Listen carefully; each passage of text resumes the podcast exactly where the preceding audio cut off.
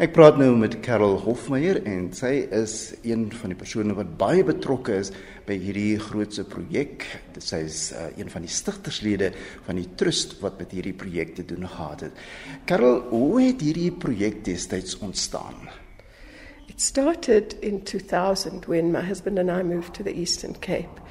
And we were struck, especially I was struck. My husband was working in East London in this rural village where we thought we'd have a holiday home.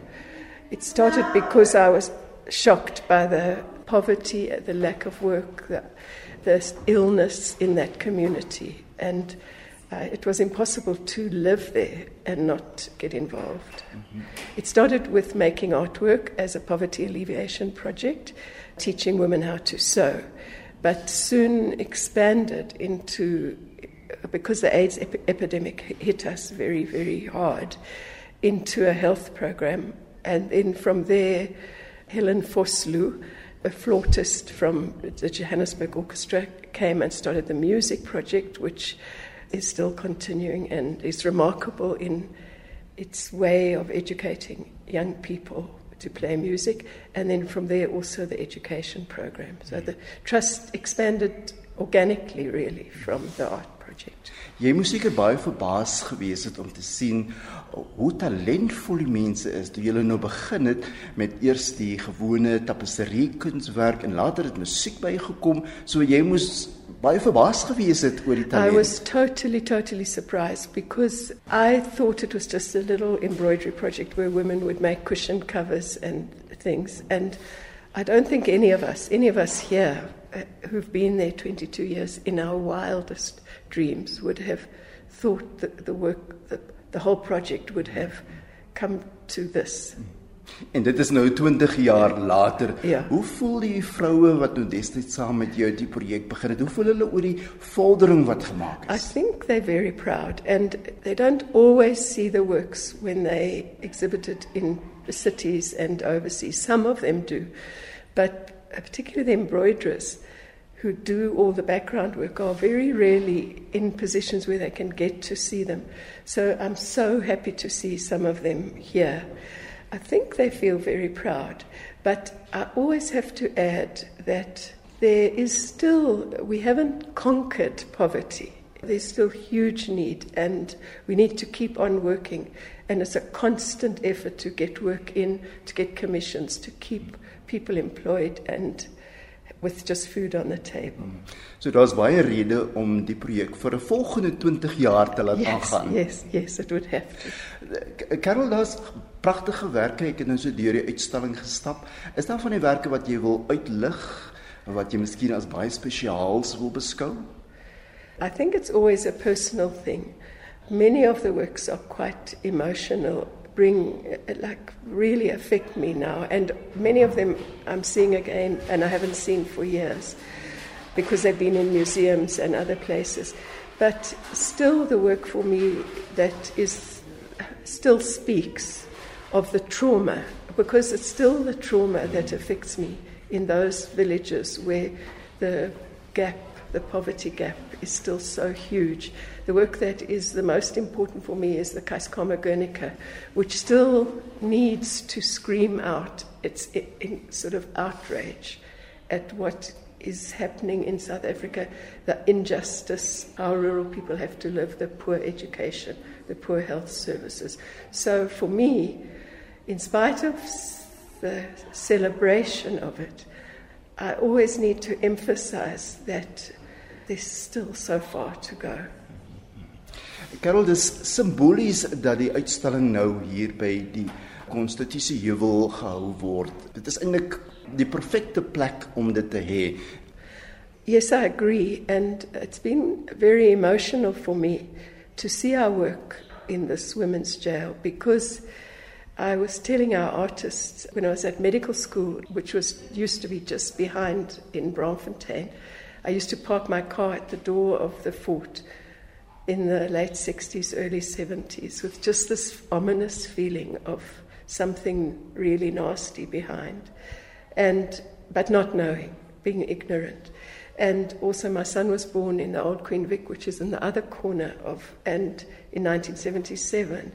So our lives were parallel And when I came here, uh, I just thought I had never had the courage as a younger person, the, the courage that those people had that were incarcerated here.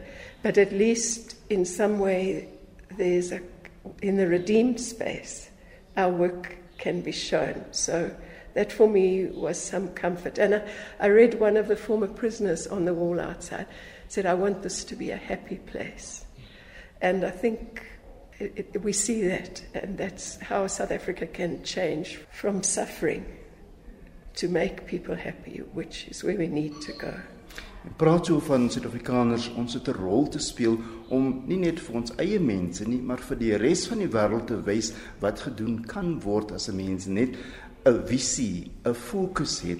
En dit het talle pryse oor see gewen hierdie uitstalling. It did. It has. Not the whole exhibition. Some works have been bought overseas and have remained there. They haven't come back. But there's only one work, that's the Keiskamma altarpiece, that has travelled widely in North America, in Germany, and in the UK.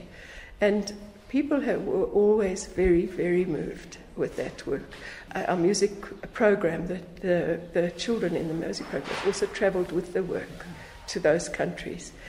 And I think people have found that very moving to see that from such a under resourced, really under resourced place, if given opportunity, uh, talent can em- emerge. En vir ons plaaslike bevolking, uh, dit is moet seker 'n waardevolle geleentheid vir ons wees tot aansporing om self ook iets te doen. I think what you see in this exhibition is the the result of hundreds of people coming and helping, a lot of South Africans and other people, international people. And I think what people need is just an idea of where they can make a difference, and then they're willing. Uh, uh sometimes we feel so helpless because we're in our silo and we don't know how to get out to where and it was almost by accident that I got out of my middle class silo into a village that was completely foreign to me, even at 50, as a widely traveled South African. Mm-hmm. So it, it, there needs to be a way to jump out of our where we are and our circle of friends and our safety into somewhere else. Nou Carol, is nou vir 20 jaar of meer besig met hierdie projek. Is dit nog vir jou aangenaam? Het jy nog baie inspirasie? Is daar nog die energie, die passie om voort te gaan? I retired um 3 years ago. My greatest joy is it has continued strongly, even stronger because by the time I retired, I had lost energy and was I needed to rest. And so for me that people could come and take it up and do just actually better than I was doing in my last years. It makes me very proud. Ja. Carol Hofmeyer, so dit is nie net dat jy die projek begin het nie, maar jy het dit ook nou moontlik gemaak vir ander jonger geslag om verder te gaan. Yes, I, I don't know if it was me. I always think it's miracles that happen that people come and do that. But people have come and the people within the project has, have taken leadership roles and have remained enthusiastic and uh, the whole big COVID tapestry, which I'm so very, very proud of, I had absolutely nothing to do with. So that's another work that I feel is very significant in this. Carol Hofmeyer, baie dankie vir die wonderlike gesprek, vir die aangename geselsie en ek kan maar net vir jou sê namens die luisteraars baie sterkte vorentoe en ons hoop jy gaan hom tog so dan en wan 'n oogie gooi oor van die werk. Thank you very much. Ek het na die opening van die uitstalling met Sandra Dotson, kunstkenner en redakteur van die Keiskamma kunsprojek gesels. Ek het net eers 'n vraag gevra oor die konseptualiseringsproses van die werk.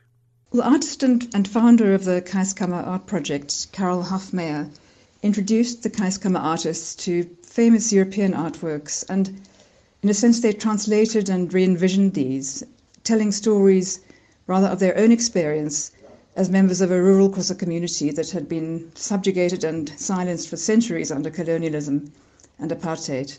So, for example, the Keiskamma Guernica is an adaptation of Picasso's painting depicting the horrors of the bombing of the market town of Guernica during the Spanish Civil War. And the powerfully moving Keiskamma artwork, the Keiskamma Guernica, shows another social injustice, deep social injustice and tragedy, which is the brutal impact of HIV AIDS on the community of Hamburg, uh, which suffered enormous losses exacerbated by government policy on the rollout of ARVs. And then other works like the Creation Altarpiece are a celebration of the natural environment around Hamburg and an expression of the very profound spiritual connection between nature and humanity in Xhosa spirituality. So the artists are, are truly collaborative, not just in the sewing, but conceptually and, and design wise too. Particular artists do the drawings and transfer these to Hessian for embroidering. And these are truly the work of a collective, and they show what beauty can be created when people come together in a spirit of sharing and creative imagining. Ek wil verder by Sandra weet of die vrou enige opleiding ontvang het voordat hulle die meesterstukke gelewer het. Yes, many artists from South Africa and in fact all around the world have come to Hamburg to do workshops with the artists in not just embroidery but felting, papier mâché, beadwork, etc. The primary workshop was with two master embroiderers from Oxford who taught the artists their first embroidery stitches. And apparently, they had to keep doing more and more advanced courses back in Oxford to keep up with the incredible skill and innovation on the part of the Keiskamma artists to make sure that there was always something new to teach the collective. En watter tipe materiaal het hulle gebruik en hoe het hulle dit bekom? The embroideries are on a Hessian substrate, as this is a relatively cheap and easily sourced material, and it has a similar colour to the traditional cloth, ibai, which has deep significance in Xhosa culture. And the textiles and thread used and other materials are mostly donated. So the emphasis is always on using sustainable, recycled materials. Ek het ook vir Sandra gevra uh, wat die sentrale tema van die uitstalling en werke is. These pieces depict the life of the small community of Hamburg, Eastern Cape, which stands as an example of what can be achieved when people come together in shared humanity. Through their art making, the artists of the Keiskamma Collective speak their pain, they find hope in times of adversity, and they celebrate their unique heritage and cultural identity. So the, the artist studio has really become a place of healing. Die raamwerk van die werke gee ook 'n tipe geestelike gevoel. Ek wou by Sandra Dodgen van die Keiskamma Kunsprojek weet of dit so is. Yes, the altarpieces are in fact inspired by European altarpieces, not necessarily orthodox, but in the Christian tradition. So, for example, the Keiskamma altarpiece takes inspiration from the famous 16th century Isenheim altarpiece, made by the German sculptor Nicholas of Hagenau and the painter Matthias Grunewald. And the Rose altarpiece uh, takes inspiration from uh, the German artist Martin Schongauer's 15th century painting, The Virgin in the Rosebush, in the Dominican Church in Colmar, France. I understand that Carol Hofmeyer's husband, Justice Hofmeyer, also did sterling work on the engineering of these really enormous, enormous and extraordinary artworks.